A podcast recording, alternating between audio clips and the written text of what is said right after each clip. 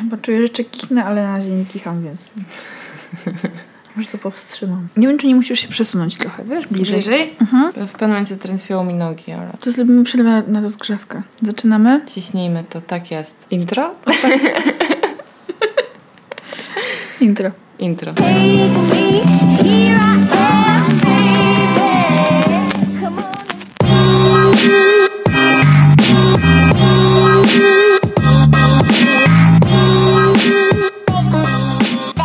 Cześć, ja jestem Zosia. Cześć, ja jestem Ula. To jest nasz podcast. Halo, dziewczyny. Słuchajcie, Dzisiaj temat na spontanie. dzisiaj jest temat na spontanie i myślimy, że będzie fajny.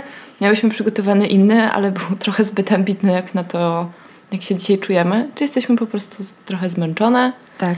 i nie udźwignęłyśmy. W- wiesz, co mi się przypomniało? No. Że ostatnio jak nagrywałyśmy, to rozmawiałyśmy o sugestii, którą dostałyśmy od jednej ze słuchaczek, która powiedziała, że byłoby fajnie, że byśmy zapowiadały kolejny temat pod koniec odcinka. Mhm. I ja powiedziałam, pamiętam wtedy, w sumie możemy to zrobić, bo wiemy o czym jest kolejny odcinek. I Dobrze, to byłoby tego- kłamstwo, dobrze, że tego nie zrobiłyśmy. Dobrze, że tego nie zrobiliśmy. To jest, to jest mogło być ryzykowne, ale No. ogólnie pomysł jest dobry znajdziemy na to sposób, żeby to Tak, przekazać. jak bardziej znajdziemy system kontroli, jakoś, nie wiem, ogarnięcia tych tematów, to tak. Ale póki co jest jak jest. Jest jak jest. Temat Y, spontaniczny, ale jest super fajny. Miałyśmy przynajmniej dużo dobrej zabawy, kiedy przez ostatnie 20 minut pisałyśmy notatki z tego tematu i o tym gadałyśmy, więc mamy nadzieję, że Wam też się spodoba. Też mam taką nadzieję. Pijemy białe wino, Tak jest. staramy się zrelaksować przed y, kolejnym dniem pracy. Ula jutro wyjeżdża, musi się spakować. Mhm. Ja muszę rano wstać. Także nie przedłużając, o czym będziemy dzisiaj rozmawiać? Będziemy dzisiaj rozmawiać o tym, co byśmy powiedziały młodszej wersji siebie. I żeby jakoś ten temat ujarzmić, to mamy pomysł, że podzielimy go na takie kategorie. Mhm. Wybrałyśmy kilka najważniejszych, najważniejszych z nich. I każdy z nas wypowie się jakimś takim swoim osobistym przeżyciem, myślą, nota- notatką, czymkolwiek. Tak, troszkę na spontanie, troszkę śmiesznie. No i szkoda, że te młodsze my nie usłyszą tego już. Ale cóż, Ale wiesz, no wszystko płynie i tak jesteśmy całkiem mądre, spoko. Life is good. Tak, dałyśmy radę jakoś. Dokładnie. Wszyscy- Mimo, że nie wiedziałyśmy tego wszystkiego, o czym zaraz będziemy mówić, to dałyśmy radę. Dożyłyśmy 28 roku życia Tak. i jeszcze się nie żegnamy. Znaczy zobacz, jakby nie, że nas nie klubie 27. W sensie, ja Nie. jeszcze mam miesiąc, półtora, w sumie dwa prawie, ale raczej nie. No postaraj się do niego nie dołączyć, bo to już wiesz. Nie, nie chcę. Też nie jestem muzykiem, więc mam dużo niższe zagrożenie zawodowe. Tak, jest duża szansa, że... Chociaż jutro ja wsiadam w samolot. Dobra. To nie poszło w ogóle w tą stronę, jaką miało pójść. Jeszcze jutro święto Więc- zmarłych. Więc może przejdźmy do y, tematu naszego spotkania, Mhm. czyli tych lat. I naszą pierwszą kategorią w naszym teleturnieju po prostu młodości jest kategoria Fryzura. Wybrałyśmy tę kategorię, ponieważ myślę, że każda, nie tylko młoda dziewczyna, ale każda dosłownie ma ze sobą dużo wpadek związanych z włosami. Włosy to jest drażliwy temat u młodej dziewczyny. Ja myślę, że równie wielu chłopaków i w ogóle dużo osób po prostu myślę, że jako nastolatki mogli przez eksperymentowanie albo brak eksperymentowania mieć złe fryzury. Zawsze człowiek chce coś w swoim wyglądzie poprawić. Włosy są o tyle wdzięczne, że odrastają i można zmieniać ich kolory. Czasem niestety nieodwracalnie, ale po prostu najłatwiej jest eksperymentować na ubraniach i na włosach, bo to są takie rzeczy, które po prostu się zmieniają i no i tak obetniesz sobie jednak głowę na łyso, bo, bo bardzo chciałaś, a potem uznajesz, że to był błąd, popłaczesz tydzień, włosy odrosną. No w tydzień to nie chyba, ale... No nie, ale tydzień będziesz obnosić żałobę po nich. Okej. Na przykład. No dobrze, w każdym razie ja mogę zacząć. Co bym powiedziała młodszej sobie na temat fryzury? Zosiu, Powiedz, powiedz Zosiu, bo ja jestem ciekawa, bo to jest na pewno taki temat, który mamy kompletnie inne historie. powiedziałabym sobie tak. Zosiu, twoje włosy nie będą się układały tak jak włosy na zdjęciach w katalogach w salonach fryzjerskich. Z kilku powodów. Żaden fryzjer mi tego nie powiedział. Po pierwsze, te włosy są natapirowane i obficie spryskane lakierem. I układanie tej fryzury codziennie zajęłoby ci bardzo dużo czasu. Dlatego pani fryzjerka zawsze odradzała ci różne fryzury, które wydawały ci się fantastyczne. Po prostu wiedziała, że to się nie będzie działo tak, jak ty byś tego chciała. Druga rada, grzywka faktycznie wygląda super. Ale trzeba ją podcinać bardzo często. Bałam się, że skończysz to zdanie, grzywka wygląda super, ale nie na tobie. Nie, jakby mam, no. miesza, mam mieszane uczucia do, do tego, jak wyglądałam z grzywką, ale to był chyba pierwszy raz, kiedy naprawdę radykalnie zmieniłam fryzurę, więc uważam, że ogólnie było to dobre. Natomiast druga informacja, której ci nikt nie przekazał, to to, że jak masz grzywkę, jesteś w okresie dojrzewania, masz duże problemy z cerą, to pod grzywką robi się dużo pryszczy. To powinien mieć taki, taka naklejka z ostrzeżeniem. Ła, ła, ła, ła. No, to ja bym powiedziała sobie na temat fryzury. A powiedziałeś, że miałeś eksperyment taki pierwszy włosowy. Mm, To był z grzywką właśnie. To właśnie była grzywka, ale zostawiałeś długość włosów, miałeś na przykład, nie wiem, długie włosy czy Tak. półdługie i zrobiłeś grzywkę tak na prosto? Tak, Okej. Tak. Ale, w salonie, nie w domu. Nie do końca w salonie, ale u fryzjerki. Okej. Po prostu u fryzjerki, którą poznałam, która kiedyś pracowała w bardzo dobrym salonie fryzjerskim w Warszawie, zawiesiła tę działalność, ale nadal jakiś tam znajomym i dzieciom znajomych obcinała włosy za jakieś symboliczne pieniądze i zrobiła to bardzo ładnie. Chyba rok później jeszcze dodatkowo ścięłam włosy, więc miałam i krótkie włosy i grzywkę. Okej. Ale obcięcie grzywki było pierwszą taką dużą zmianą w kwestii moich włosów, bo ja po prostu miałam włosy albo długie, albo krótkie. I w ogóle bałam się cokolwiek z nimi robić, bo wiedziałam, że odrosną, ale strasznie się bałam po prostu wyglądać źle. No tak, to znaczy wydaje mi się, że w ogóle strach przed wyglądaniem źle to jest coś, co może zniechęcać młodych ludzi do eksperymentowania, bo jednak chyba jak jesteś w tym wieku, to tym bardziej nie chcesz wyglądać źle. Bo ta ocena z zewnątrz może być bardzo intensywna, takie mam wrażenie. Tak, no i w dodatku to jest coś, co potrafi bardzo młodą osobę naprawdę wpędzić w bardzo, bardzo zły nastrój. Taki w sensie naprawdę, taki, który może się wydawać zupełnie nieadekwatny do tej sytuacji. Obecnie na przykład w ogóle się nie maluję na co dzień. Do pracy chodzę bez makijażu, nie używam nawet żadnego pudru. Nie przestałam się przejmować tym, że mam jakieś niedoskonałości czy przestałam. Leczę się z tych niedoskonałości, ale nie przykrywam ich makijażem na co dzień. Nie chce mi się tego robić. Po prostu. Albo uznaję, że jednak ważniejszy jest komfort niż elegancja na co dzień. Ubieram się tak, żeby było mi przede wszystkim ciepło, a po drugie wygodnie. Jeśli wiem, że muszę cały dzień spędzić przed komputerem w pozycji siedzącej przy biurku, na przykład nie zakładam jakichś strasznie ciasnych jeansów, bo wiem, że będzie mi po prostu niewygodnie. Myślę, że to jednak przychodzi z wiekiem, a kiedy byłam nastolatką, to by każdy pryszcz, właśnie czy brudne włosy, czy ubranie, które mi się nie podobało, które musiałam założyć, naprawdę bardzo źle na mnie wpływały i na moje samopoczucie, na samoocenę i tak dalej. Więc jeszcze do tej fryzury mogłabym to dodać młodszej sobie, że wiem, że się źle z tym czujesz, ale pod koniec to w sumie nie jest takie ważne, naprawdę. No tak, ale to jest w ogóle coś takiego, że wiesz, że możesz takie rzeczy słyszeć jako nastolatka z ust różnych ludzi, ale i tak w to nie uwierzysz Oczywiście, absolutnie. że nie. Oczywiście, że nie. No ale No tak, no. nie kłócę się z młodszą osobą, bo już jej tu nie ma. Przekazuję jej różne informacje trochę w próżnię. No dobra, a co ty byś powiedziała młodszej sobie na temat fryzury? Zetnij włosy. Ja miałam od, nie wiem, pamiętam jak byłam takim małym dzieckiem, miałam bardzo dużo loczków i nie lubiłam tych loczków, bo to bolało, jak się rozczesywało i w ogóle nie. Więc jakoś, nie wiem w sumie jak wymusiłam na mojej rodzinie, żeby te włosy mi ściąć i miałam bardzo krótkie włosy. I później te włosy odlastały i ja nie byłam u fryzjera jakoś od siódmego roku życia do momentu, kiedy skończyłam 18 lat. Ale ścinałaś włosy sama, czy mama ci ścinała? Nie, miałam włosy za, za, za pupę. W ogóle ich nie ścinałaś. Znaczy na pewno były jakoś podcinane raz na jakiś czas, ale generalnie osiągnęły bardzo dużą długość i były. Mhm. I to jest najlepsze, co można powiedzieć o moich włosach. One były. Ale nosiłaś je rozpuszczone? Nie, nosiłam warkoczu. To było tak niewygodne, noszenie rozpuszczonych włosów. Jeszcze wtedy nie wiedziałam. Jak mając włosy w warkoczu, ciężko jest ci powiedzieć, jakby, jakie one w sumie są, Mhm. bo codziennie są w warkoczu. I one były w warkoczu 24 na 7, w sensie do spania, do wszystkiego. Mhm. Do pływania były wygodne w warkoczu, bo się je związywało, war- no jakby wszystko. Więc ja bym powiedziała Uli w dowolnym wieku, między 8 a 18 roku, rokiem życia, y, po prostu zetnij te włosy, dziewczyno, y, uspokój się. A dlaczego ich nie ścinałaś? Bo myślałam, że są brzydkie. I w ogóle nie wiedziałam, co z nimi zrobić, bo jakby wszyscy inni ludzie mówili mi, Boże, jakie ładne włosy, a ja tak, ale to jest niewygodne. I w ogóle nie przyszło mi do głowy, że mogę je ściąć, bo już były takie ładne i w sumie ja już umiem robić ten warkocz. Jeszcze w ogóle to było super śmieszne, bo ja przez wiele lat nie umiałam sama się uczesać, tylko codziennie jeszcze mnie ktoś czesał. Więc Okej. w ogóle byłam po prostu jak y, osoba niepełnosprawna. I nie mogłam sama o siebie po prostu, jakby nie mogłam sama wyjść z domu, bo ktoś musiał mnie uczesać. To jest w ogóle paradoks jakiś kompletny. Więc miałam ten bardzo długi, piękny warkocz. Pamiętam takie dwie sytuacje, kiedy byłam nastolatką i rozpuściłam te włosy. I raz to było na meczu siatkówki u mnie w szkole w liceum, gdzie siedziałam na trybunach i kibicowałam. I ktoś przykleił do moich włosów gumę do rzucia. I ja się bardzo zdenerwowałam i z tą osobą weszłam w jakieś takie mało dyplomatyczne rozwiązanie tej sytuacji, bo nie podobało mi się naruszenie moich granic. I tą gumę jakby, pamiętam, że wygrzebałam wtedy i wycięłam trochę tych włosów i jak, jakoś, jak ja się z tym poradziłam. W ogóle w sensie nie było mi szkoda włosów, bo to mnie nie obchodziło, bo te włosy po prostu właśnie mnie nie obchodziły. One po prostu były. Nie musiałam nic z nimi robić, oprócz tego, że nauczyć się czesać, warkocz. Nie zrobiłam żadnych ciekawych fryzur, po prostu był najnudniejszy na świecie warkocz, u którym wszyscy nie mówili, że jest taki ładny, a dla mnie to był taki w ogóle bez sensu. I ścięłam w końcu te włosy między studniówką a maturą.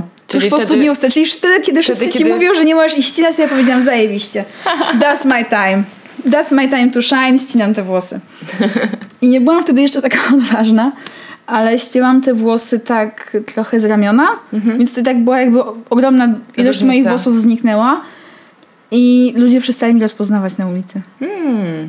I to było bardzo super w ogóle, że miałam takie włosy i jakby robili taki, wiesz, tak na mnie patrzyli, odwracali wzrok i potem bardzo szybko wracali do mnie z powrotem i pytali wszyscy, no bo wszyscy mnie znali jakby od lat, że ja, ja mam ten warkocz, tak? Jest Ula, jest warkocz. I nagle go nie było. I to było super, takie w ogóle wyzwalające nie mieć tego warkocza. Więc właśnie to, co bym powiedziała sobie, to po prostu eksperymentuj z tymi włosami, ścinaj je. Bo jeszcze wtedy, jak, jakby ścięłam te włosy, to możesz sobie wyobrazić, że po tylu latach po prostu bycia dociążonym warkoczem, one w ogóle nie były żadne. One były takim trochę trójkątem, przyklepanym trójkątem na mojej głowie, który się lekko puszył, tutaj był lekko krzywy na górze, w ogóle cokolwiek. A mogłam mieć tyle ciekawych rzeczy na głowie przez ten czas. Kiedy to było zasadniczo bezkarne. Bardzo tego żałowałam. Znaczy, bardzo tego żałowałam. Po prostu myślę, że to byłoby taka bardzo... Właśnie tak jak powiedziałaś, tak? Taki fajny bardzo sposób zaeksperymentowania z moim wyglądem, który w ogóle nie poszło. Bo ja miałam najdziwniejsze ubrania. Jakby w kwestii ubrań po prostu miałam wszystko. Ale właśnie w kwestii włosów byłam kompletną nudziarą. Ja chyba tak samo. Nie wiem, właśnie to jest, wiesz, właśnie akurat włosy. No trochę im zajmuje odrastanie. Ale jest to drażliwy temat. I w ogóle uwagi na temat włosów innych ludzi bardzo źle znosiłam. Pamiętam jak, pamiętam moment, w którym zaczęłam myć włosy codziennie. To było jak... Chciałam cię właśnie o to zapytać, Ta- no? Tak, bo ja kiedyś myłam włosy co cztery dni. I mimo, że one no, brudziły się, no to po prostu pierwsze dwa dni chodziłam z rozpuszczonymi, następne dwa dni ze związanymi i luz. I w ogóle jakby I żyłaś. Nie, nie przejmowałam się tym, dopóki mój kolega z klasy w gimnazjum mi nie powiedział, że widać, że moje włosy są brudne i śmierdzą. Dobra, chłop- świnia. chłopcy w gimnazjum ogólnie potrafią być strasznymi świniakami. No i od tej pory zaczęłam, mimo protestów mojej mamy, która uważała, że nie powinnam tak robić i że jest to niezdrowe dla włosów i dla skóry głowy i tak dalej, zaczęłam myć włosy codziennie, no i właściwie nadal to robię. Akurat teraz myję rzadziej, ale cóż, możemy przejść do chyba następnej Ja kategorii. tylko mogę powiedzieć jeszcze w tym temacie mycia włosów, że jak miałam ten warkocz, to właśnie myłam włosy raz na 5 dni, 6 dni, no bo nic się z nimi nie działo, a mi się włosy nie przetłuszczały. Aż w którymś momencie, ku rozpaczy mojej mamy, zaczęłam w pewne lato, między pierwszą a drugą klasą liceum, myć włosy codziennie. Okej. I to było, też na to takie ilości wody i szamponu. Jak nagle takie włosy myję codziennie. Nie wiem, o co mi chodziło. Jakby mogłaś mnie sobie zapytać, czemu ja to robię, ja pewnie nie miałabym nic mądrego do powiedzenia. Bo nie było to jakieś specjalnie gorące lato, ale po prostu codziennie te włosy myłam, codziennie czekałam, aż one wyschną, Mhm. co trwało. No tak. To I co? codziennie i tak wiązałam w ten warkocz, więc i tak to nic nie zmieniało. I wychodziłam z takim warkoczem, czasami trochę bardziej mokrym, po prostu na zewnątrz. Po co? Nie wiadomo. Jeszcze mi się przypomniało właśnie, że jak miałam drugi raz rozpuszczone włosy, jak byłam nastolatką, to jechałam do mojej babci autobusem i ludzie mnie zaczepiali w autobusie. I dotykali tych włosów. I to było takie... Ojejku. No, w ogóle nie. Jakby Ale to okropne. Jedne, jedne moje właśnie, jak już rozpuściłam te włosy, to tak jak teraz o tym myślę, jak to mówię, to jedne dwa, jakby jedne dwa przypadki łączy to, że ludzie naruszali wtedy w ogóle moją granicę, coś robiąc z tymi moimi włosami. To było takie nieprzyjemne. Takie, że takie piękne włosy i dotykali te włosy, a ja tak... Ale to jest nie w porządku. Przypomniała mi się teraz ta piosenka Princess Nokia pod tytułem Mine, gdzie raz się zaczyna od skitu o tym, gdzie biała dziewczyna chce dotknąć włosów czarnej, bo nie wie, czy to są prawdziwe włosy, czy są doczepione i reakcja jest bardzo gwałtowna. W ogóle się temu nie dziwię. Tak. Jak można ko- kogoś obcego łapać za włosy. Zwłaszcza, że tu jeszcze to ma wymiar rasowy, to już w ogóle nie. Mnie raz ktoś obcy złapał za włosy i to był pan y, w Turcji na kontroli celnej. Jestem blondynką i miałam włosy związane w dwa kucyki i ewidentnie bardzo mu się spodobały moje blond włosy i po prostu złapał mnie za jeden kucyk. No i coś tam powiedział z uśmiechem, więc pewnie był to komplement, ale powiedział to po turecku. No tak. Także- Nie, nie zajarzyłaś. Trochę się wtedy przestraszyłam, no ale byłam z rodzicami, także Ja pamiętam, że z takich wakacji kiedyś, właśnie też jak byliśmy w Turcji z moim bratem, tam obydwoje wtedy mieliśmy jeszcze takie jasne włosy. On to w ogóle miał takie platinum blond, bardzo niebieskie oczy, więc wyglądaliśmy jak para ufolutków. I wzbudzaliśmy po prostu, zresztą brat wzbudzał wręcz niezdrowe zainteresowanie wszystkich osób, bo wyglądał jak wklejony w jakąś inną historię. Też pamiętam, że coś tam go z tym z nim gadali, jakoś go interesowali, to moja babcia po prostu go tak strategicznie zabierała i szliśmy dalej, bo po prostu nie mieliśmy czasu. Ale tak, teraz czuję, że możemy przejść do tej drugiej kategorii. Dobra, to teraz druga kategoria. Werble, uwaga, werble, werble, werble. Nauka! Nauka. Ula, co byś powiedziała młodszej sobie na temat nauki? A weź wyluzuj. Dobra. Już, ja już w liceum się tyle nie uczyłam, ale, ale w gimnazjum jeszcze tak. Nawet może to nie tyle, że mi to zajmowało dużo czasu, ale to było dla mnie ważne, o tak. Bo powiedziałam do siebie, weź wyluzuj w tym kontekście takim emocjonalnym z nauką, a nie w kontekście czasowym. Bo mam wrażenie, że za wiele osób poświęca temu za dużą ilość uwagi. Znaczy po prostu nauczyciele i dorośli, z którymi się stykasz jako dziecko i dorastająca osoba, uważają, że to jest takie, wiecie, end all be all. No po prostu wszystko albo nic, musisz się uczyć i mieć dobre stopnie, a dobre stopnie nie są gwarantem niczego w życiu. Możesz mieć same piątki w szkole i same szóstki i to nic nie zmieni, jak wejdziesz na rynek pracy. Oczywiście, że nie. I uważam, że po prostu absolutnie w szkołach powinni uczyć tego. I, I na pewno to byłaby taka główna rzecz, jaką bym powiedziała sobie. Po prostu weź wyluzuj, te stopnie nic nie znaczą. To, czy masz z tego przedmiotu taką czy inną ocenę, absolutnie niczego nie zmieni w twoim życiu. I za 10 lat, za 5 lat nie będziesz w ogóle o tym dniu pamiętała. Mhm. Ja młodszej sobie na temat nauki powiedziałabym, że nie powinnam iść na studia od razu po maturze. To jest już kompletna w ogóle też głupota systemu nauczania. Ponieważ będąc po maturze, okej, zacznijmy od tego, że w takim systemie, w jakim my się uczyłyśmy, czyli który jeszcze. Były był, gimnazja. Były, w którym jeszcze były gimnazja, tak naprawdę o kierunku, jakby o swojej przyszłości, o tym, co by się chciało studiować i potem, co by się chciało robić w życiu, trzeba było właściwie zacząć decydować już mniej więcej na etapie gimnazjum, dlatego że trzeba, trzeba było zdać egzamin kompetencji. Jak to był kompetencji? Nie, kompetencji był na koniec podstawówki. Trzeba było zdać egzamin gimnazjalny, Tak, krótko dwa, mówiąc. dwa egzaminy były. Dwa wtedy. egzaminy, dokładnie. To się przeliczało na jakieś punkty. Tak. I do tego pamiętam, że był cały zakres punktów dodatkowych za wyniki w nauce, świadectwo, Tak. pasek, osiągnięcia. Ja wtedy oszukałam system totalnie. Okej, to zaraz powiesz, jak to zrobiłaś, tylko dokończę swoją myśl. Przepraszam, tak, ja nie chciałam się też w Nie, ogóle się spoko. wcinać. Chodzi o to, że trzeba było tak naprawdę już zacząć bardzo wcześnie się decydować, co moim zdaniem odwraca wielu młodych ludzi od tego, żeby będąc jeszcze tak naprawdę w tak młodym wieku, interesować się wieloma rzeczami. Dlaczego mm, możesz być dobry tylko z nauk humanistycznych, a nie ścisłych? Dlaczego nie możesz się interesować i historią, i biologią? Tak są sprofilowane klasy w liceach, że najczęściej tak nazywają się na przykład biolchem, tak? Albo matwis. I jest klasa humanistyczna, to jest rozszerzony polski, historia i jakiś język, załóżmy, tak? No i to de facto od razu odsuwa wielu młodych ludzi od rzeczy, którymi mogliby się zainteresować później i rozszerzyć je później. Więc będąc pod koniec liceum, naprawdę niewiele osób ma jakąkolwiek wizję taką sensowną, co mogłoby i chciałoby kiedyś robić. I też w mojej szkole i myślę, że w wielu szkołach był bardzo duży nacisk na to, żeby skończyć liceum z dobrymi wynikami, zdać jak najlepiej maturę i skończyć potem bardzo dobrą uczelnię, najlepiej państwową i trzeba to wszystko zrobić stosunkowo szybko. Tak. Nie ma żadnej przestrzeni na to, żeby się zastanowić, żeby się pomylić. Nie, po prostu ty musisz wiedzieć.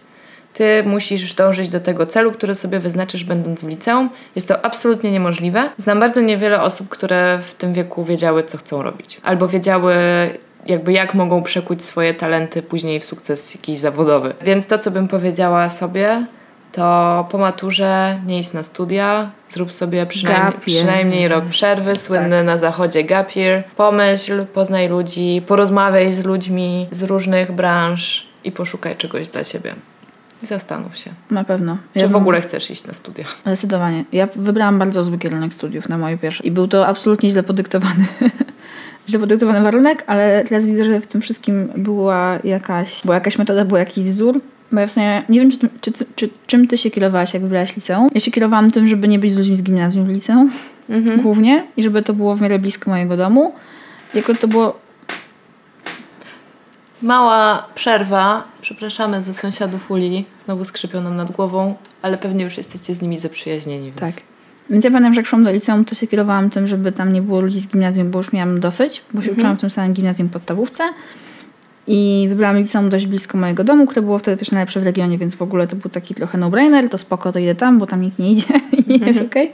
Pamiętam, że tak uważałam wtedy, że chcę iść te kierunki humanistyczne, więc miałam wybór między klasą właśnie humanistyczną a klasą prawniczą, bo w tym moim liceum nie było takich prostych nas typu biolchem, nie była klasa medyczna. Albo nie wiem, matgeo nie była klasa tam, nie wiem, menedżerska, cokolwiek, jakiś totalnie w Ła, ła, ogóle. ła. Mhm. No to była państwówka normalna. No i stałam przed tym wyborem, klasa humanistyczna czy prawnicza i poradziłam się mojej mamie i moja mama powiedziała, idź do prawniczej, będzie więcej chłopaków. Miała rację. jakby to była bardzo dobra rada, ale jakby to pokazuje, że ten wybór w ogóle był totalnie głupi. Jakby na samym początku, tak? Ale faktycznie poszłam do klasy prawniczej i w klasie prawniczej spędziłam 3 lata.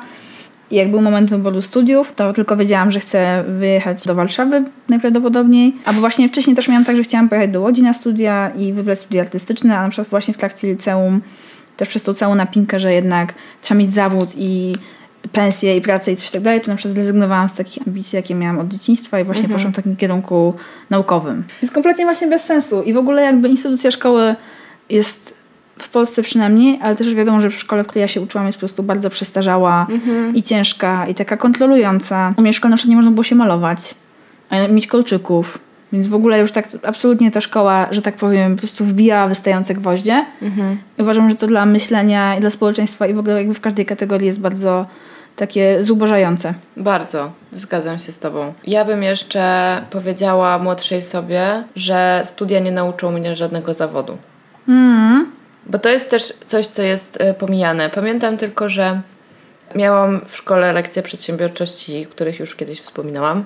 Ten nauczyciel, który prowadził te, te zajęcia, był akurat jakby był bardzo w porządku i powiedział, akurat nie na zajęciach u mnie w klasie, chodziłam tego samego liceum, do którego chodziła moja starsza siostra. I powiedział to u nich na lekcji, czym doprowadził parę osób po prostu do ataku histerii, autentycznie ponieważ powiedział, że będą, że ludzie, którzy skończą liceum, zdadzą maturę i pójdą na studia, będą mieli trudniej niż osoby, które skończyły technikum i pójdą do szkoły zawodowej.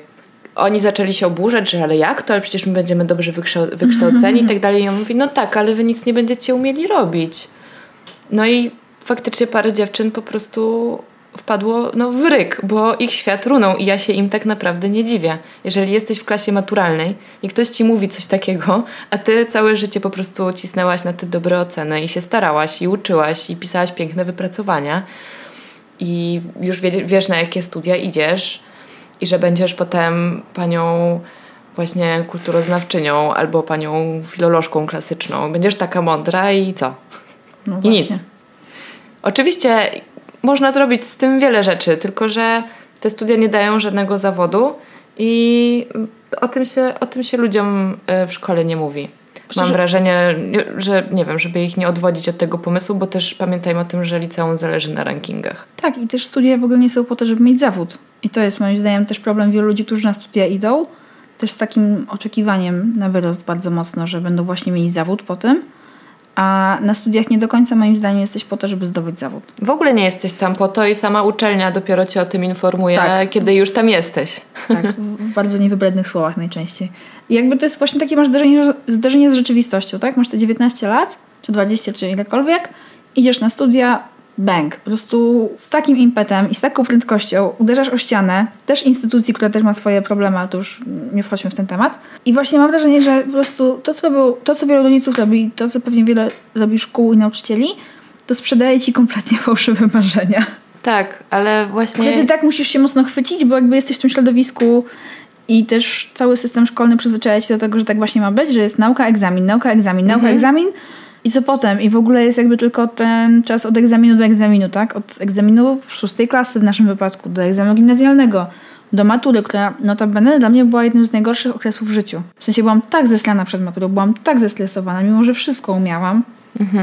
I wiedziałam, że w ogóle mogę się wyluzować i po prostu podejść i to zdać. To jakby napięcie, jakie było i presja, jaką wywierali wszyscy dookoła, łącznie z moją rodziną, była po prostu nie do zniesienia dla mnie. Ja miałam to szczęście, że przede mną moja siostra przetarła szlak maturalny. To nie znaczy, że się nie stresowałam, ponieważ no, by, byłam zdenerwowana i było to dla mnie na, na pewno bardzo, bardzo się stresowałam egzaminem ustnym z polskiego. Dlatego, że wiesz, no to może brzmi śmiesznie, ale ja w szkole nie miałam prawie żadnych wypowiedzi takich, wiesz, publicznych. Mi to rozbawiło tylko dlatego, że ja już na egzamin z polskiego szłam z takim podejściem fuck it all. Już, ja już w ogóle rzucam mikrofon i wychodzę po prostu z tego pomieszczenia, bo już miałam autentycznie i serdecznie... Dość. Tak. W sensie ja już po maturach pisemnych byłam tak wycieńczona, że już na maturę ustne, które miałam tydzień później, jakby szłam tylko dlatego, że musiałam się tam pojawić. A ja byłam tym zestresowana, bo wiedziałam, że nie będę miała zbyt dużo czasu, żeby się zastanowić. Mhm. I że będzie przede mną siedziała jakaś komisja, która będzie mi zadawała pytania, których w dodatku nie znam. Oczywiście osoba, która przygotowywała mnie do tej matury, bo mm, przygotowywała mnie moja znajoma polonistka, nie ze szkoły. Mhm. I e, na podstawie, na podstawie prezentacji, którą przygotowałam, wymyśliłyśmy ileś potencjalnych pytań, które mogą się pojawić. Super. E, natomiast ogólnie, no to zawsze mogło się pojawić coś zupełnie niespodziewanego i tak zresztą się też zdarzyło. I nic takiego się nie stało, oczywiście ją zdałam i tak dalej. Natomiast e, u mnie w szkole prawie w ogóle nie odpytywano ludzi, wiesz, z materiałów. Mhm. Właściwie wszystkie klasówki, wszystkie jakby to sprawdzanie wiedzy było najczęściej pisemne. Kiedy było ustne, to po prostu padał taki blady strach i paraliż na całą klasę. Chyba tylko z historii odpowiadaliśmy ustnie i to było potwornie stresujące. Mhm. No bo jakby wiesz, musisz z pamięci jakieś daty recytować, to też jest idiotyczne właściwie. Tak, sposób nauczania historii Dlaczego masz jest... się uczyć dat na pamięć? Nie wiadomo. I chyba jeszcze tam, nie wiem, zdarzało się, że na chemii trzeba było jakieś zadanie na tablicy rozwiązać. No mhm. to też było stresujące, ale powiedzmy, że to ma coś na celu, tak? Jesteś z nauczycielem, rozwiązujesz coś przy nim i on cię może jakoś poinstruować. Ale to i tak było potwornie stresujące, nikt tego nie lubił i nikt nawet nie kojarzył tego z nauką tylko po prostu z wiecznym sprawdzaniem Twojej wiedzy, z wiecznym testem. Dlatego ta matura z polskiego ustna była dla mnie taka, taka ciężka. I okres w ogóle matury wspominam całkiem nieźle. Byłam zdenerwowana, ale dużo się uczyłam ze znajomymi i bardzo się wspieraliśmy w tym trudnym czasie.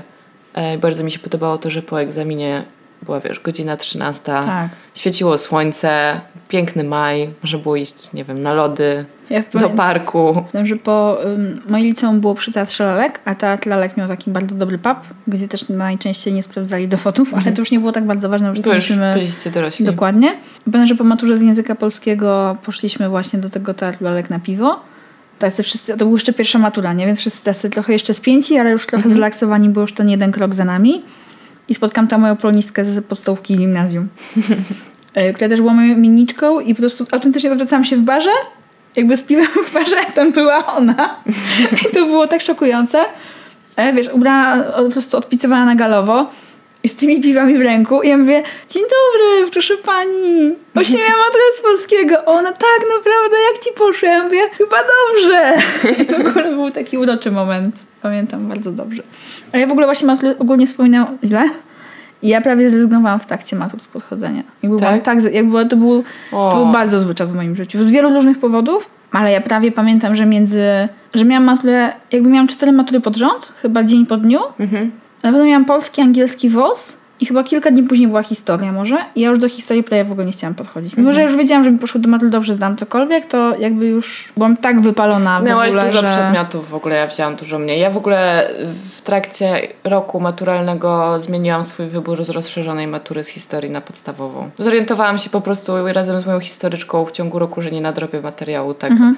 żeby zdać tę maturę z jakimś sensownym wynikiem a że kierunki, które wybierałam e, studiów nie wymagały rozszerzonej historii, to po prostu z niej zrezygnowałam. Ja jeszcze pamiętam, i to moim zdaniem będzie dobre przejście do naszej kolejnej kategorii, no. że w dniu mojej ostatniej matury ustnej poszłam do ochotniczego chówca pracy i znalazłam pracę.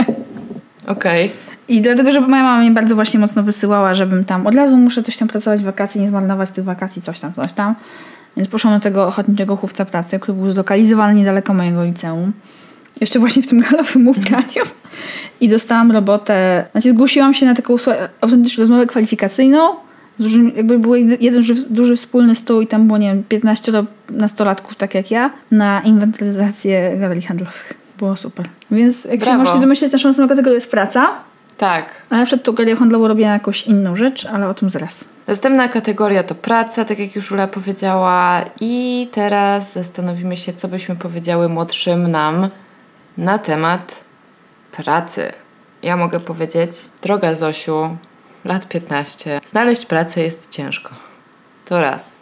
Dwa, wiedzieć, co się chce robić, też jest bardzo ciężko.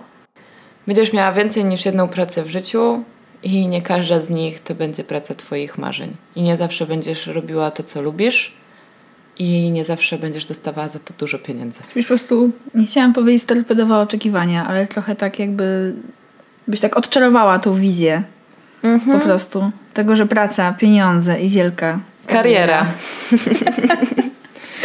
Znaczy, jak byłam nastolatką, to miałam kilka pomysłów na siebie. Pierwszy, ale już bardzo wtedy wątpiłam w swoje, swoje jakieś takie zdolności i żegnałam się z tą myślą, że zostanę sławną pisarką. A drugi pomysł, którego tu, y, trzymałam się bardzo długo, to że zostanę tłumaczką, ale potem nie dostałam się na anglistykę.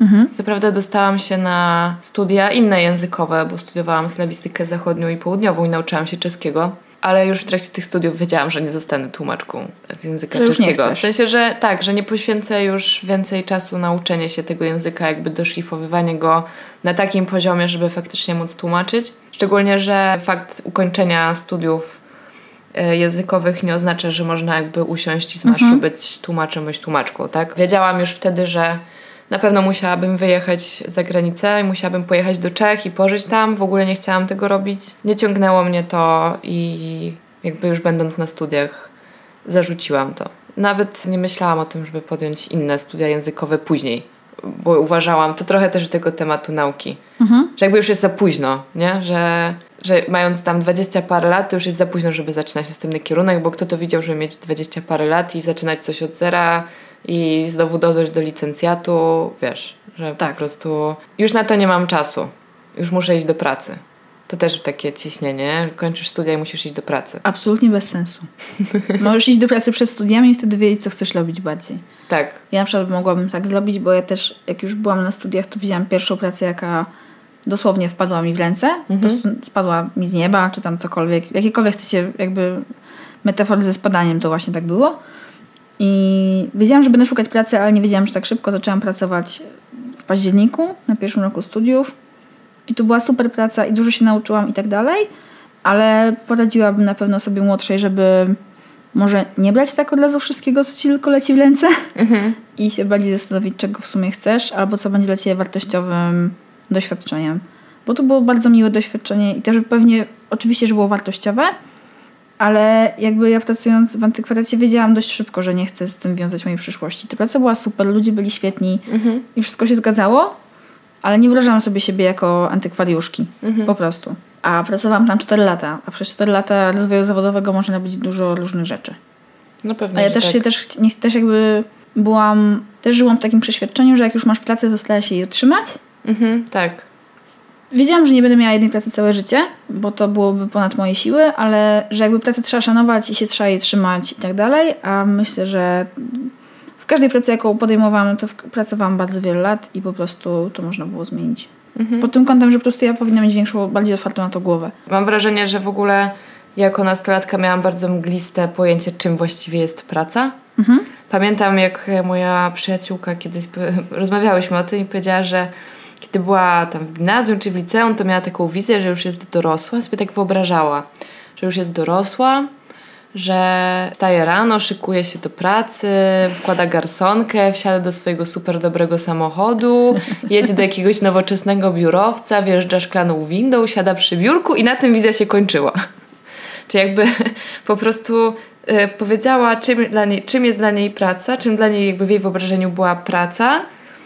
Nie było w tym ani grama pracy. Widząc to, co jej po prostu rodzice robią rano, czyli szykują się, wsiadają w swoje samochody, jadą do swoich biurowców i mniej więcej na tym jej wiedza na temat tego, na czym praca na co dzień polega, wygląda. Pamiętam, że kiedyś rozmawiałam z dziewczyną, która studiowała medycynę, no i ona po prostu wie, że chce być lekarzem i chyba już nawet jest, czy tam jest jakoś pod koniec praktyk, nie, nieistotne. I ona powiedziała, że zawsze też się uciekawiło i niedawno spytała swojej koleżanki, które na przykład pracują w konsultingu, jakby przychodzisz rano do pracy i co właściwie robisz, na czym właściwie polega Twoja praca. No i myślę, że to też jest takie, taka, nie wiem, taka cecha, nikt do końca Ci nie mówi, czym praca na co dzień właściwie jest.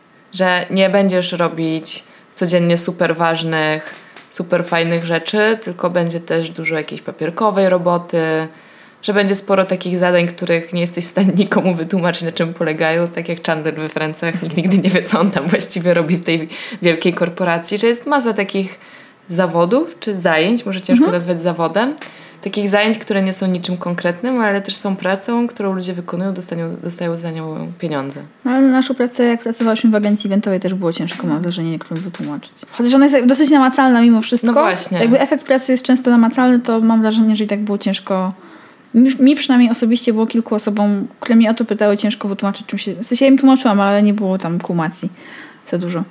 Ja przez wiele lat w ogóle nie rozumiałam, czym mój ojciec się zajmuje. W ogóle nie byłam w stanie tego nikomu opowiedzieć. A na przykład chodziłaś do rodziców do pracy? Nie. Nie. Znaczy, no, moja mama no tak, no tak. nie miała pracy takiej zawodowej. Zajmowała się domem, a potem tłumaczyła y, książki.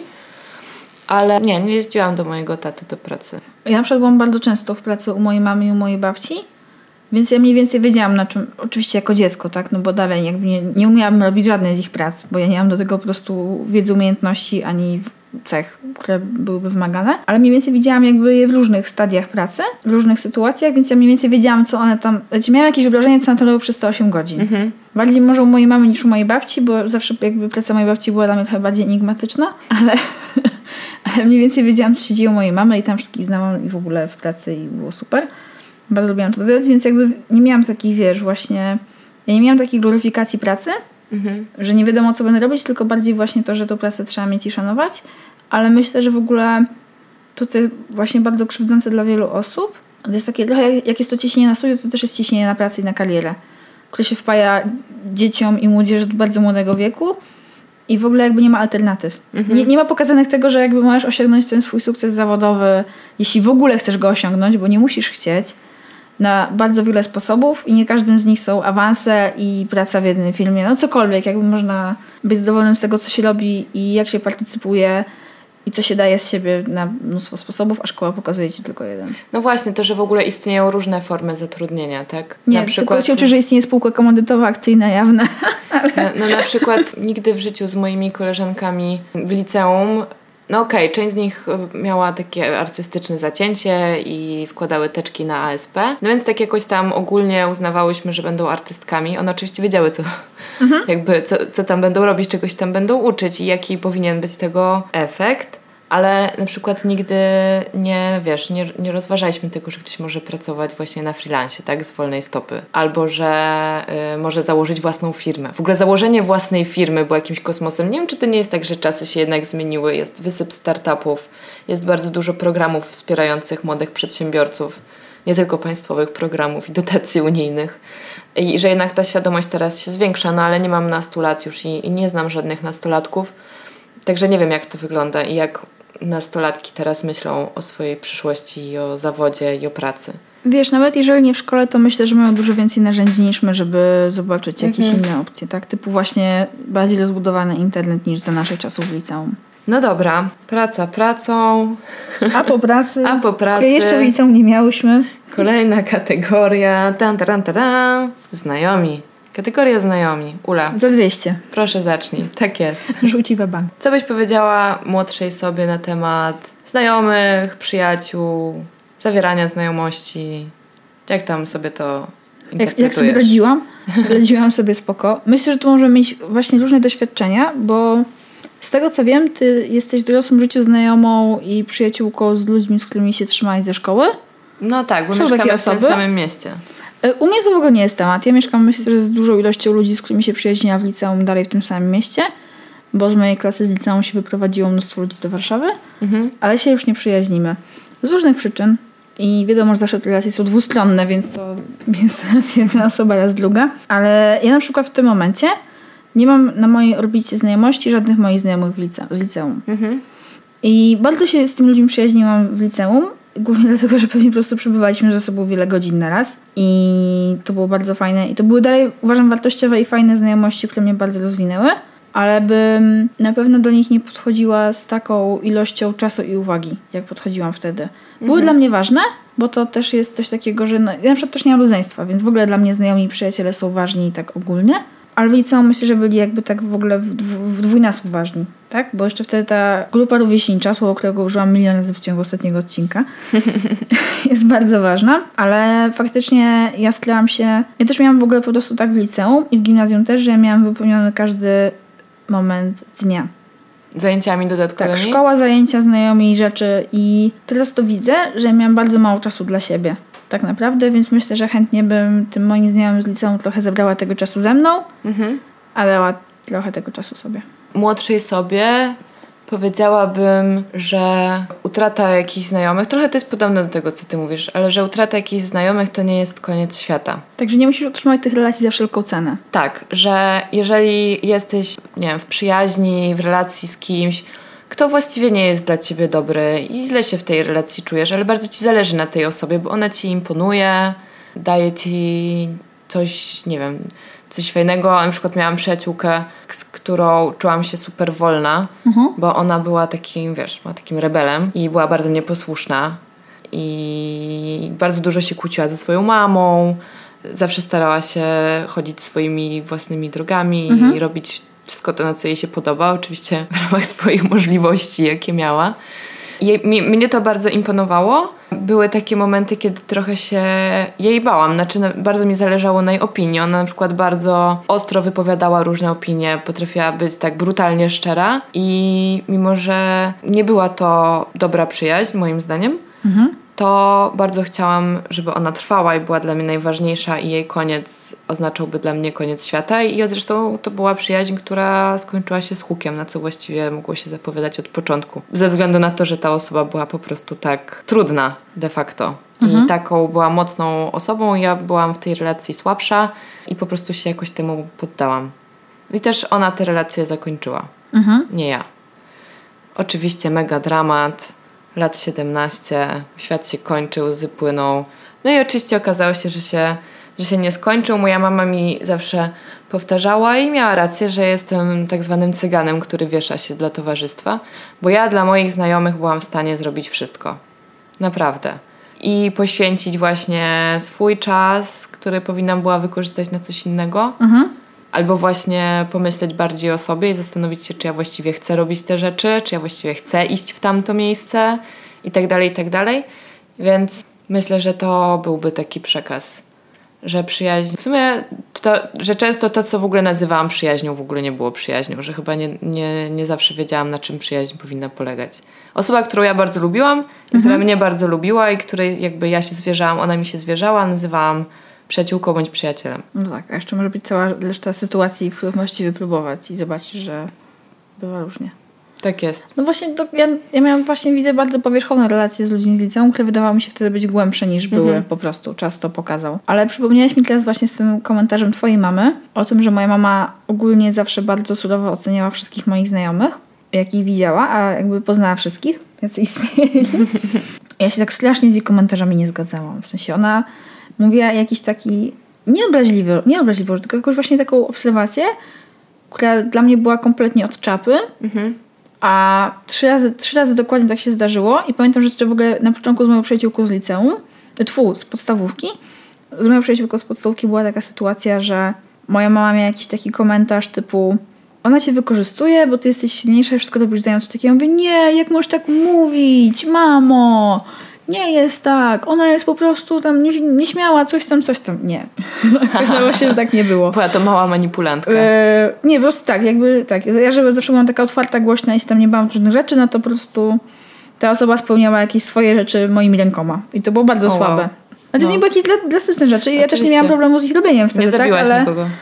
Nie. E, A to była taka, wiesz, taka wczesna podstawówka, co nie? Mhm. Ta przyjaźń skończyła piątej klasie podstawówki na przykład. I później moja mama jeszcze miała razy właśnie taki, taki komentarz do kogoś, że coś tam, coś tam. I ja w ogóle nie umiałam tego zrozumieć i dopiero faktycznie z perspektywy czasu zakumałam, co ona widziała, czego ja w ogóle nie widziałam. Właśnie, bo, bo ci przyjaciele i ci znajomi są tacy ważni wtedy. Ja bym jeszcze powiedziała sobie, że trzeba uważniej dobierać przyjaciół i właśnie uważniej i ostrożniej używać słowa przyjaciel, bo a już nawet nie musi, nie musi chodzić o przyjaźń, po prostu o koleżanki i mhm. kolegów, bo ja potrafiłam na przykład bardzo, bardzo, bo właśnie za wszelką cenę trzymać się jakiejś grupy ludzi, mimo że ta grupa potrafiła być dla mnie bardzo nieprzyjemna i być mhm. miła raz na 100 lat. I dla mnie te momenty, kiedy ktoś był, ktoś, kto na co dzień był dla mnie niemiły, ale ja z jakiegoś powodu chciałam być blisko tej osoby, nagle miał jakiś lepszy dzień albo nie wiem, akurat tego dnia mu się chciało, mu albo jej chciało się ze mną porozmawiać, to ja jakby to uwa- uważałam za po prostu, wiesz, otwarcie kolejnego etapu, nowego rozdziału, którym już teraz wszystko będzie dobrze. I tak nie było wcale. I potem znowu te osoby mnie zawodziły i rozczarowywały. I było mi przykro i miałam takie silne postanowienie, że już więcej się na to nie dam nabrać. I potem to się znowu działo. Ja za każdym razem po prostu jak ćma w ogień leciałam. Ćma do lampy. Tak jest. No. no, ten okres gimnazjalny to był taki słaby pod kątem znajomych. Myślę, że dla każdego był trudny. I że dużo osób wtedy przeżywało takie smutki i rozczarowania, których często też dorośli nie potrafią zrozumieć. Dlatego, że to się wydaje właśnie takie błahe, tak? O rany, jak jest niemiła dla ciebie, to jej unikaj. Albo nie prowokuj jej. Co to zrada? Tak, albo no to zmień koleżanki. Weź zmień koleżanki w szkole. Ale skąd ja mam wziąć nowe nie koleżanki? Nie da się zmienić koleżanek w szkole. No właśnie, w ogóle te dobranie grupy rówieśniczej. Skąd ja mam poznawać nowych ludzi?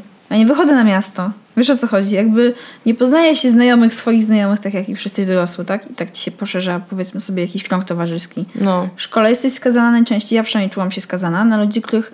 Miałam ludzi, których znam z dzieciństwa. To byli po prostu, to były dzieci przyjaciół mojej mamy, którzy, wszyscy tam się urodziliśmy, nie wiem, w tej samej pięciolatce powiedzmy, w ciągu tych samych trzech lat. Więc to byli super ludzie, z którymi dzieciństwo jakby uwielbiałam i było ekstra, ale w którymś momencie nigdy nie chodziliśmy do tej samych szkół, mhm. więc te znajomości się po prostu przyrodziły takie bardziej wakacyjne, tak? Że razem jeździliśmy na wakacje, wtedy się trzymaliśmy, ale tak dzień po dniu tego po prostu nie było. A nie mieliśmy też telefonów jeszcze, żeby ze sobą gadać i w ogóle czatów i grup. A właśnie miałam jeszcze taką myśl, jak ciebie słuchałam, że jako nastolatki jesteśmy w stanie przyjąć bardzo dużo bullshitu od innych ludzi to i kompletnie prawda. jakby to nam wiedzie na banie, ale łykniemy to i, i pójdziemy, po prostu pójdziemy z tym dalej. W sensie dzisiaj mam wrażenie, że ja już nie była taka łaskawa dla ludzi. O, robisz mi, robisz mi krzywdę? Nara.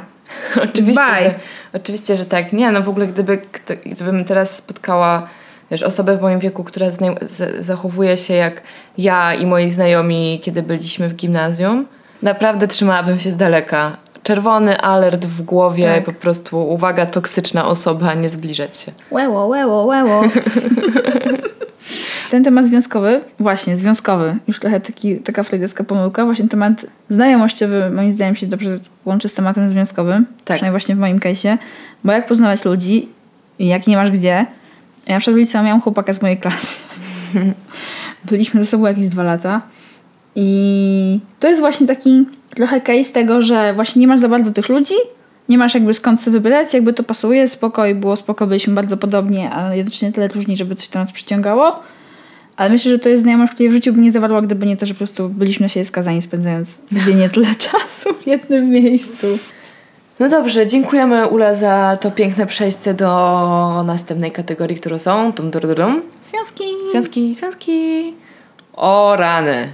No. Jakby ilość iluzji, które młody człowiek ma na temat związków, to jest chyba w ogóle temat rzeka, gigantyczny i obszerny, ale pogadamy o kilku aspektach tego. Ja myślę, że ja bym tutaj mogła na totalu i na luzie powtórzyć ladę y, swoją wcześniej, czyli wyluzuj się i skup się na sobie. I w ogóle nie, nie poświęcę tyle czasu innym osobom. W ogóle. Takiej uwagi, i, znaczy czasu fizycznego i też takiej uwagi w głowie. Mhm. Mam wrażenie, że mi na tym takim właśnie nastoletnim związku zależało. To akurat to, to nie był mój pierwszy związek, ale to był taki bardzo ważny wtedy dla mnie związek i też dość długo trwał jak na liceum. Tak mi się to przynajmniej wydawało. I wydaje mi się, że w ogóle to jest takie... Też to na pewno była trochę spuścizna tego, jakby jakie media pochłaniałam i w ogóle co się konsumuje, że te związki są takie ważne, mhm. a jak jesteś nastolatką, a przynajmniej jak ja byłam nastolatką, to w ogóle te emocje są jeszcze ważniejsze bo w ogóle co się dzieje, Jezus jest, czy to jest miłość, czy nie miłość, czy co zrobić, czy w ogóle... Pamiętam, że my nie byliśmy dobrą parą. W sensie już po jakimś czasie to już w ogóle nie byliśmy dobrą parą, a ten związek trwał, bo jak po prostu dostaniesz się, kiedy nie będziecie się unikać nagle. W sensie widzicie się dalej jeszcze przez ileś tam czasu. W końcu się dostaliśmy jakoś w klasie maturalnej. Jakby bardzo dobrze i dużo za późno, moim zdaniem z dzisiejszej perspektywy, ale na początku tego nie widziałam, ale w ogóle dla mnie po jakimś czasie to było straszne, że można tak bardzo przeżywać tak nieistotne rzeczy. Trochę. To może brzmi bardzo brutalnie, ale... Trochę brzmi brutalnie, no bo one wtedy były bardzo istotne. To prawda. I w ogóle to jest niesamowite. I to też trochę się łączy z tym, że ile możesz nosić bullshit innych ludzi. po prostu. Ja bym doradziła sobie, żeby nie sugerować się przykładem swoich rodziców, ale ciężko bardzo to zrobić, dlatego że moi rodzice są dla mnie takim zupełnym autorytetem, jeśli chodzi o związek. Znaczy, mhm. byli przez całe moje dzieciństwo i okres dorastania i tak dalej. I nadal jakby jest to dla mnie po prostu taki fajny wzór. I byłam przekonana, że uda mi się po prostu powtórzyć ich ścieżkę, ponieważ jest to jedyna słuszna ścieżka. Czyli poznajesz miłość swojego życia w okresie jakimś takim właśnie szkolnym. Ach. Tak, jesteście parą bardzo długo, potem się zaręczacie, potem bierzecie ślub, potem macie dziecko, to wszystko się dzieje przed 30 rokiem życia. Not nope. really.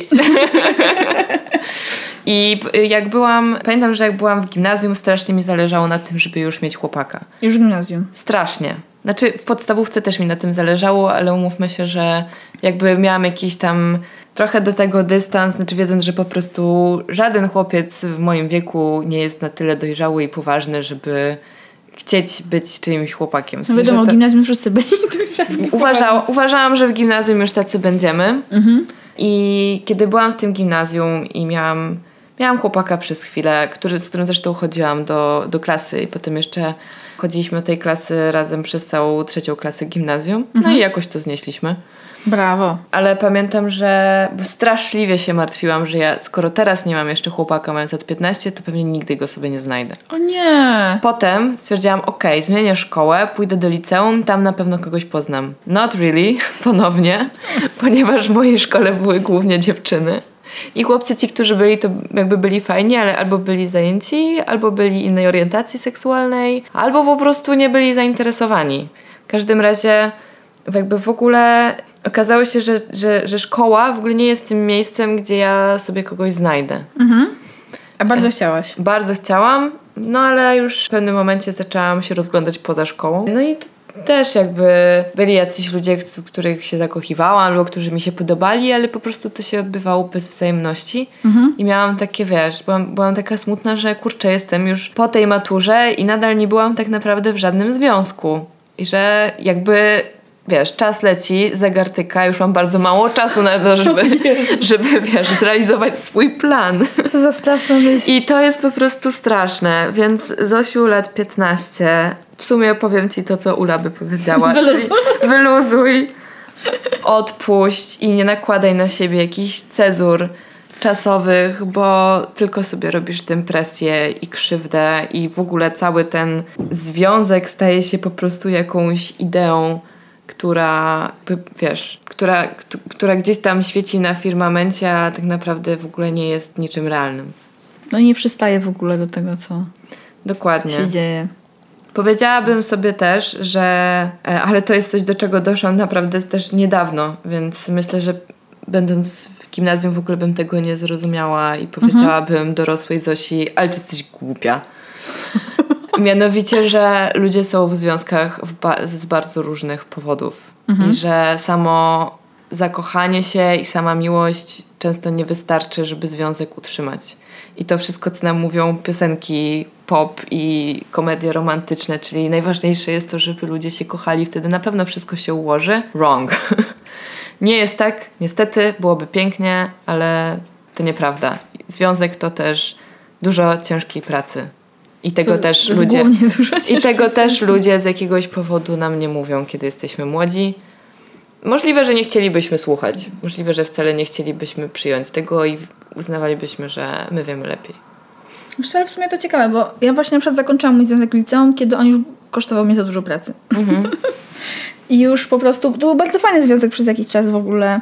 Mimo że w ogóle go nie szukałam i nie potrzebowałam, on się po prostu tak jak, może słyszeć taki leitmotiv po prostu, moja praca, moje, to się po prostu wydarza. Mhm. Ja to po prostu przyjmuję i to, że to się wydarzy, to, to, że to jest coś nowego i to, że ja to przyjmuję, powoduje, że się nie zastanawiam, czy ja w ogóle tego chcę. I też faktycznie musiałam być już dorosła, żeby zakumać, że nie muszę brać wszystkich rzeczy, jakie mnie w życiu spotykają i że mogę wybierać, mieć na to jakiś wpływ, to na przykład mnie ten związek nauczył jednej bardzo ważnej rzeczy i wydaje mi się, że nauczył mnie tego bardzo wcześnie. Że jak z niego wychodziłam, jak miałam dokładnie 18 lat, co do dnia, to wiedziałam, że nie mogę sobie pozwolić na to, żeby w związku były ważne bardziej potrzeby drugiej osoby niż moje. Albo po prostu to, że nie mogą moje potrzeby być w związku na drugim miejscu. Mhm. I to było super. W sensie to, To było jak bardzo obrałam z ważne. jasnego nieba. Cieszę się, że odebrałam tę lekcję tak wcześnie, bo to mi pozwoliło później budować już dużo lepsze relacje. Tak, jeszcze my, myślę, że to jest bardzo ważne to, co mówisz.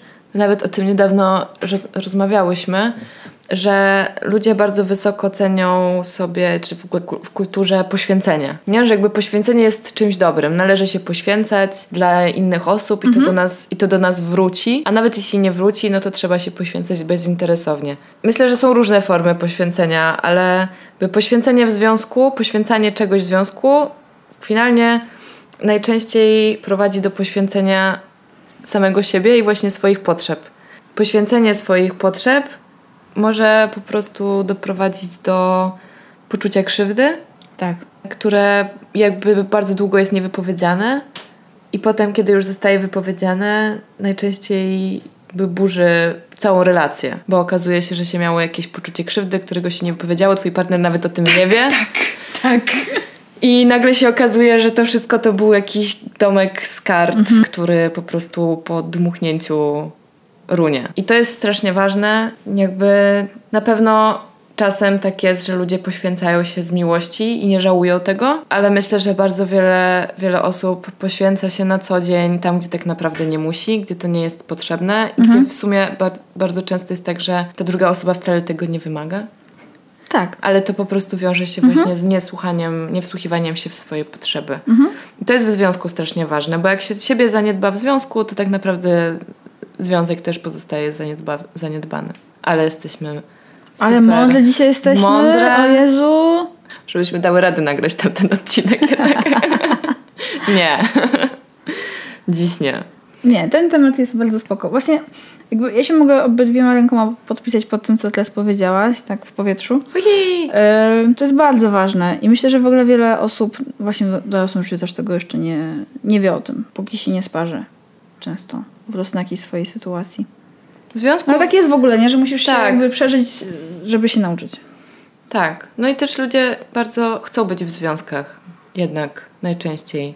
W sensie zawsze łatwiej się, tak się mówi, tak? Że łatwiej się jakoś przez to życie idzie w parze. Nawet jakby wiesz, taniej jest podróżować w parze, mieszkać w parze i tak dalej. I no tak jak powiedziałam, jest masa powodów, dla których ludzie są w związkach. Czasem są to też właśnie przyczyny jakieś ekonomiczne, czy tak. społeczne i tak dalej, i tak dalej. Skoro już jesteśmy takie mądre i dorosłe, No tak, jesteśmy bardzo mądre. tak. I Słyszycie mamy- to, jak jesteśmy mądre? Jesteśmy strasznie mądre Takie i mamy mądre. mnóstwo Mm. dobrych rad dla samych Mhm. siebie sprzed y, 13 lat. To w takim razie ostatnia kategoria to dorosłość. Tada! Tak. Wizji dorosłości. Dokładnie. Majaki.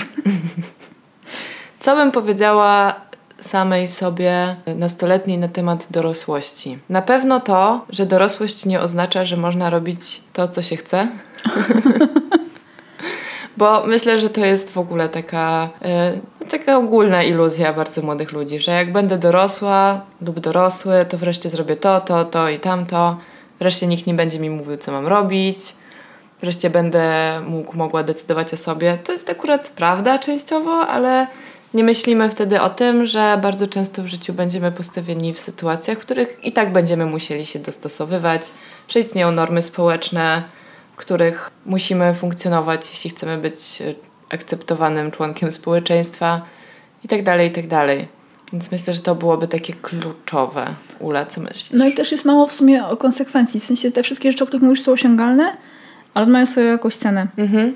I masz wybór. W sensie moim zdaniem dorosłość to jest pierwszy raz też takie zderzenie z wyborem. Mhm. Mimo wszystko, że musisz coś wybrać i w którymś momencie tych opcji jest coraz mniej. Tak? Jakby te wszystkie alternatywne światy, gdzie twoje życie wyglądało inaczej się zawężają w którymś momencie. Jeżeli masz z tym problem, to musisz z tym szybko przejść do porządku dziennego. Mhm. Wiesz o czym mówię? Że to tak. jest takie, że jak jesteś nastolatkiem, to masz ten cały świat możliwości, a potem widzisz, że niektóre rzeczy nie chcesz robić, niektóre nie są dla ciebie, niektóre przez wiele lat myślałeś, że są dla ciebie, ale wyszło, że nie są. Niektóre ci się wydają, że są takie super i fajne, ale okazuje się, że tam nic nie ma tak naprawdę. Cała masa różnych rzeczy. Mhm.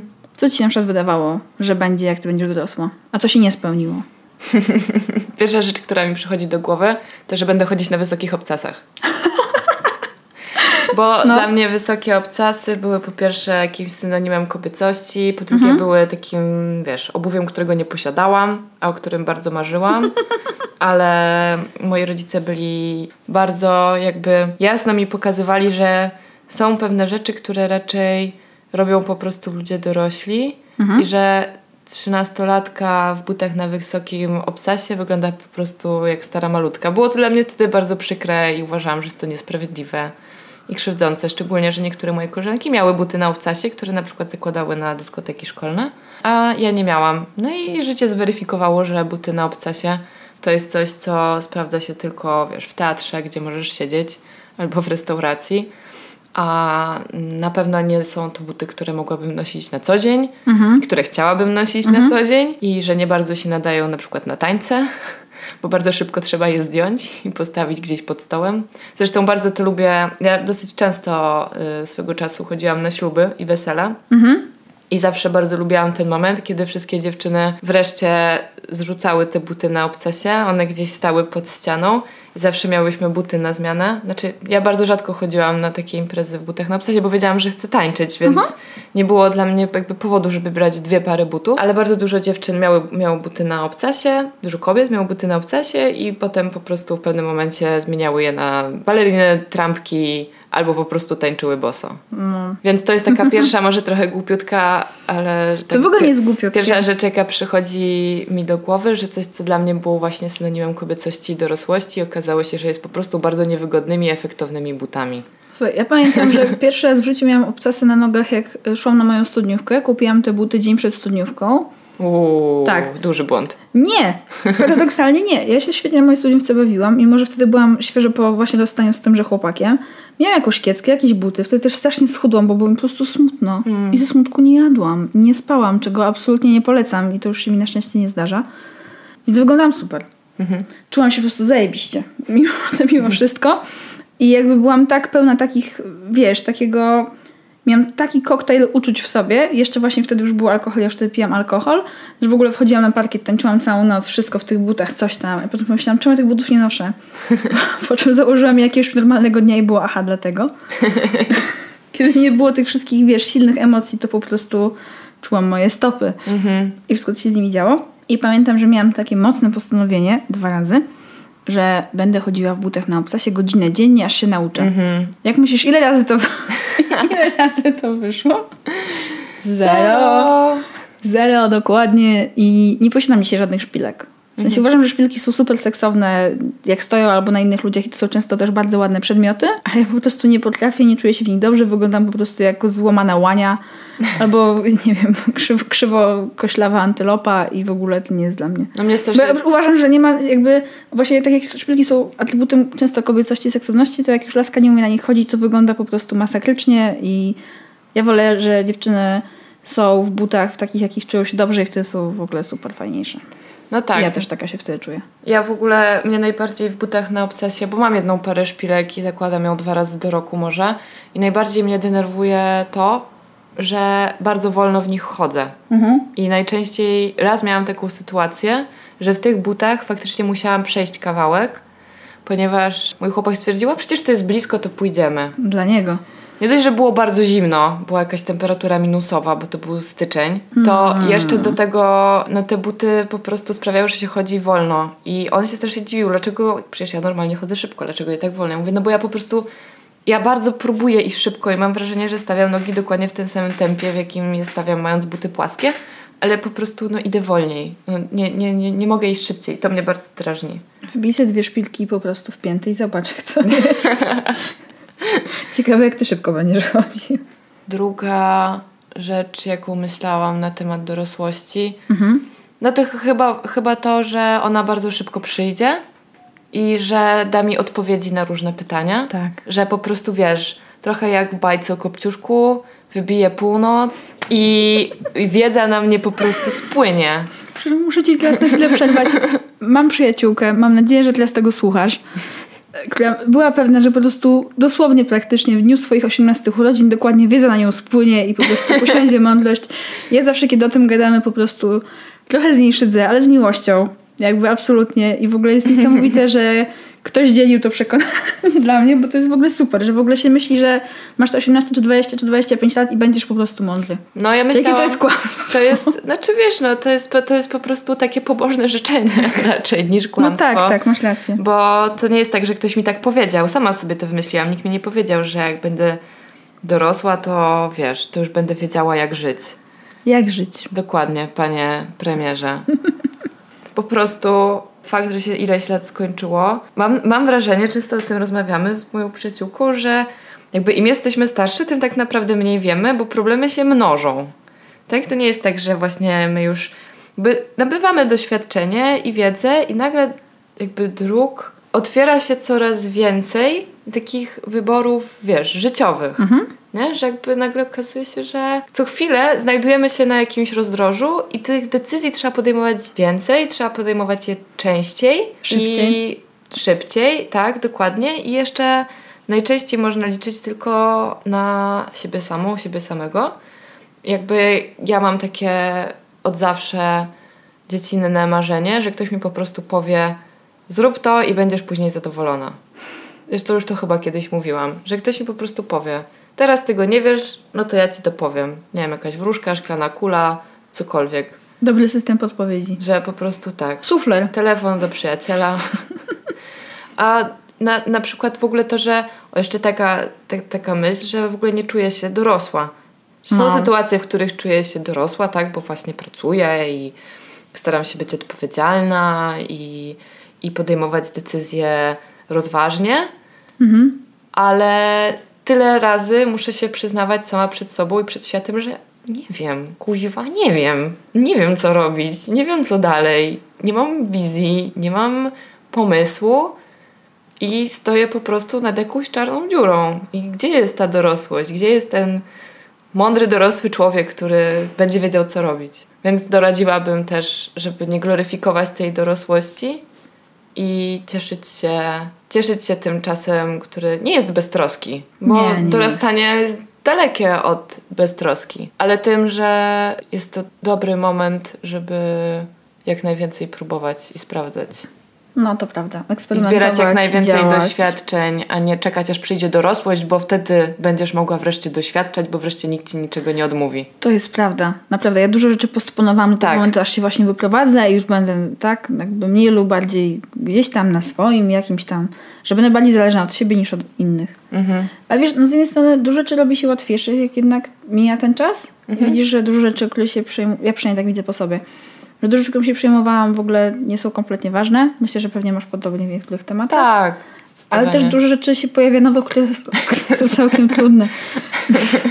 I ta trudność jakby ani ci szkoła, ani starzy cię na to nie przygotują po prostu i musisz działać z tym sama. Ja na przykład miałam wizję, wizję, nawet nie wizję, to była po prostu myśl, że pewnie jak będę miała 25 lat, będę miała faceta i dziecko i mhm, jasne, Czas minął. 27, bang, bang. I im bardziej się do tego czasu zbliżałam, tym bardziej wiedziałam, nie, to not gonna happen. To się nie wydarzy, to nie jest w ogóle moje marzenie, Mhm. tylko to jest coś, co myślałam, że jest moim marzeniem, bo ktoś mi tak kiedyś powiedział. I w ogóle mam wrażenie, że właśnie, zobacz, nawet też takie szpilki, tak ta rodzina też, o czym sobie na, na chwilę gadałyśmy w przerwie, jakby to są wszystko jakieś takie myśli, które są kompletnie nie nasze, ale tak łatwo jest je kupić i przyjąć za Jako nasze. własne. Tak. Jest jakaś niesamowita masowa incepcja się dzieje po prostu. No bo tak żyje społeczeństwo, no. Że tak, dorosłe kobiety, znaczy to jest taka, nie, nie chodzi o to, że wszyscy tak żyją, ale że Dorosła kobieta chodzi w pewnych sytuacjach w butach na obcasie, a dorośli ludzie, którzy są w związku, pobierają się i zakładają rodzinę. No i wszyscy to, czy nie wiem, czy wszyscy, ale po prostu masa ludzi to przyjmuje jako swój, swój nie, nie, Jako czy swój marzenie, kierunek. Nie, jako swój kierunek, no. po prostu drogę, którą Jako należy przyszłość. podążać. I ten moment, kiedy właśnie orientujesz się, że właściwie nie jesteś pewna, pewien, czy tego chcesz, może być jednocześnie przerażający i wyzwalający. Bardzo wyzwalający na pewno. no, Przerażające jest wszystko w życiu. tak, prawda. Ale momenty wyzwolenia zdarzają Może poza tak sobotą. Niedziela już jest trochę przerażająca, ale sobota jest piękna. Ja, ja jestem pewna, że dla wielu ludzi, którzy na przykład żyją tylko w pracy, sobota też jest przerażająca. To po prostu nie, nie jesteśmy my, ale jestem pewna, że są tacy ludzie. Że nagle w sobotę zaczyna się kompletnie inne życie. Ale tak, jakby dorosłość, dorosłość jest przerażająca. Ja też się na przykład nie czuję kompletnie dorosła. Ja jestem w jakimś takim zawieś, zawiesinie między... Wiadomo, że już nie czuję się nastolatką i to już długo, ale no ja to określam, że jestem po prostu młodym, młodym dorosłym, młodo, młodą dorosłą i to jest super stan, bo wiesz, jakie są to atrybuty dorosłości? No ja się utrzymuję sama już od wielu lat i co z tego? Jakby super, no i co? To nie, to nic nie znaczy. No właśnie, w ogóle nie do końca wiadomo, co wyznacza tą, tą, Tak. tą dorosłość, nie? To dziecko są matki, które rodzą jak mają 15-16 lat, są wtedy dorosłe? No w świetle prawa tak, ale życiowo nie są, no. Jest, tak myślę. Tak, ja Oczywiście. się z tobą zgadzam. Całe, myślę, że jest cała masa po prostu. Na pewno, nie wiem, myślę, że pewnie się kiedyś poczuje dorosła. Mam nadzieję, że się kiedyś poczuje dorosła, a nie po prostu stara. Chociaż zobaczymy. Zobaczymy. Myślę, że są sytuacje, w których ja się czuję dorosła, a są takie, w których nadal się czuję dzieckiem i to też jest w porządku. I myślę, że nie ma takiego dorosłego, który by całe życie czuł, że jest dorosły. Wszyscy mają swoje wątpliwości, nie? Właściwie nawet to jest dobre. Nie, ale tak jak jest, jest spoko. Bycie w zawiesinie jest okej. No tak naprawdę Nie cytujcie mnie na tym, ale bycie w zawiesinie bycie w jest okej. jest okej. Najważniejsze jest chyba zrozumienie, że prawie każdy etap jest ok i że po prostu z każdego etapu życia można wyciągnąć coś fajnego, ale że na pewno każdy też po prostu niesie za sobą jakieś obowiązki, troski. Plusy, minusy. Co po prostu wychodzi z tej ostatniej części naszej rozmowy, że po prostu wiem, że nic nie wiem i po prostu wracamy do sokratejskich czasów. Filozofia, głębokie, głęboki temat. Przecież gdybym ja miała powiedzieć sobie taką jedną rzecz ogólnie, jakby tej, jakbym się teraz tak przetransportowała do małego żółtego pokoju, nie wiem, w 2000 powiedzmy sobie 5 albo w 2006 roku, do tej uli z długim warkoczem, w dziwnych ciuchach, to bym powiedziała, wiesz co, w twoim życiu się nie będą liczyły oczekiwania innych osób. To jest, sensie to jest bardzo fajne. Nie bierz cudzych oczekiwań jako coś, co musisz spełnić. Jako punktu odniesienia. Tak, bo jest ich mnóstwo i niektóre widzisz, niektóre nie i one w ogóle powinny puf, i zniknąć. Gdybym mogła je zniknąć, to je zniknęła. I nie jesteś w stanie wszystkich spełnić. Tych, tak jak powiedziałaś, tych oczekiwań jest tak dużo. Bo właśnie szkoła ma jakieś oczekiwania, społeczeństwo ma jakieś oczekiwania, mężczyźni mają oczekiwania, rodzice. Inne kobiety, rodzice, wszystko. Wszyscy, Wszyscy. mają jakieś oczekiwania wobec ciebie, wszystkich nie spełnisz i bardzo dobrze, bo nie wszystkie są dla ciebie dobre i nie wszystkie są w ogóle zgodne z tym, co, o, o czym ty marzysz, czego ty potrzebujesz. Tak, a wszystkie są cudze przede wszystkim, więc poświęć czas i rozkmin, które mogą być twoje. Ja. Pięknie, pięknie to ująłeś. Piękna konkluzja. Dziękuję! Ja bym jeszcze powiedziała, że wiesz co, ja tutaj się tak wymądrzam, a prawda jest taka, że za 10 lat spotkam się z 38-letnią Zosią i ona też mi powie, dobra, jest pewna wiedza, której jeszcze nie masz i będziesz musiała niestety dojść do niej sama metodą prób i błędów i że w życiu się po prostu będziesz mylić i potykać i nie przejść prze, przez nie bezbłędnie. Myślę, że to jest jeszcze taka rzecz, którą, która mnie stresowała, kiedy byłam dużo młodsza, że w życiu nie ma miejsca na popełnianie błędów, że w życiu nie ma miejsca na poślizgi i że wiesz, jakby nawet sam fakt, że możesz nie zdać jakiegoś przedmiotu w szkole i potem, nie wiem, powtarzać klasę na przykład, to zawsze jakby ludzie, którzy musieli powtarzać klasę, to były po prostu totalne wyrzutki, najgorsi i w ogóle jak można nie zdać do następnej klasy. I że ta wizja życia, którą, którą mamy i którą trochę nam dorośli zapodają, chcąc naszego dobra i chcąc, żebyśmy po prostu jak najlepiej sobie radzili i przeszli W tym przez, społeczeństwie. przeszli przez No. życie w miarę płynnie i bezboleśnie, na Tak. tyle, na ile się da. Jakby zostawia bardzo mały margines na namylenie się, szukanie, próbowanie i chyba warto, warto byłoby to też przekazać naszym młodszym wersjom. Że się poślizgniesz i wywalisz nie raz, nie dwa i potem się otrzepiesz i pójdziesz dalej. Wiesz, no siniaki Tak. znikną, nie? Włosy odrosną. siniaki znikną. Wiedza zostanie. Dan, dan, dan. Dobra, będziemy kończyć, co? Będziemy kończyć. Dziękujemy Wam bardzo za słuchanie tego odcinka. Tak, dziękuję Wam za słuchanie i teraz, tak jak zawsze, powiemy Wam Nie wyłączajcie jeszcze radioodbiorników, tylko piszcie do nas maile na nasz Tak. adres. Halo dziewczyny małpa.gmail.com Kom, dokładnie tak. I piszcie do nas na Instagramie i na fejsie i oceniajcie nasz podcast w iTunesie, w Overcastie, wszędzie gdzie możecie nas ocenić, to dajcie nam taką ocenę, jaką uważacie, że jest spoko. I piszcie nam komcie, ale też na przykład tagujcie nas w swoich Insta Stories. Tak, dziękujemy też za wszystkie miłe słowa. Dostajemy ich od Was bardzo dużo. Coraz więcej. Coraz więcej i strasznie nas to cieszy. Ten podcast jest dla nas dużą radością i fajną zabawą. Tak, i dzisiaj zwłaszcza, bo jest taki fajny spontan. Mamy nadzieję, że Wam się podobał. Tak, trochę wróciłyśmy do jakichś takich początków Proto, prawie, proto że... oczątku. A to jest, słuchaj, to jest 19 odcinek w ogóle. Jak No. 19 lat, po prostu to jest ostatni nastoletni odcinek tego podcastu. Zosia. O mój Boże. To wszystko ma sens. Następny odcinek to już będzie gorąca dwudziestka. Tak. I Mm. uu, nie będziemy na razie jeszcze zdradzać, o czym on będzie, bo, bo może nam znowu nie wyjść, ale nastawiamy się, że wyjdzie, więc może obserwujcie nasze kanały społecznościowe i tam wam będziemy podpowiadać. Ja Wrzucać bym, odpowiedzi. tak, ja bym chciała zrobić jakieś takie sucharkowate kalambury, ale powstrzymam się. Nie, damy radę. Coś, coś zrób. Ja jestem za. Ja, ja kocham słuchatki i myślę, że część naszej widowni słuchaczy Doceni. Doceni słuchatki. Myślę konkretnie jednej osobie. Nawet może o dwóch. Dobra. Słuchajcie, dosyć. Dziękujemy Wam bardzo. Cześć. Trzymajcie się. Bye. Bye.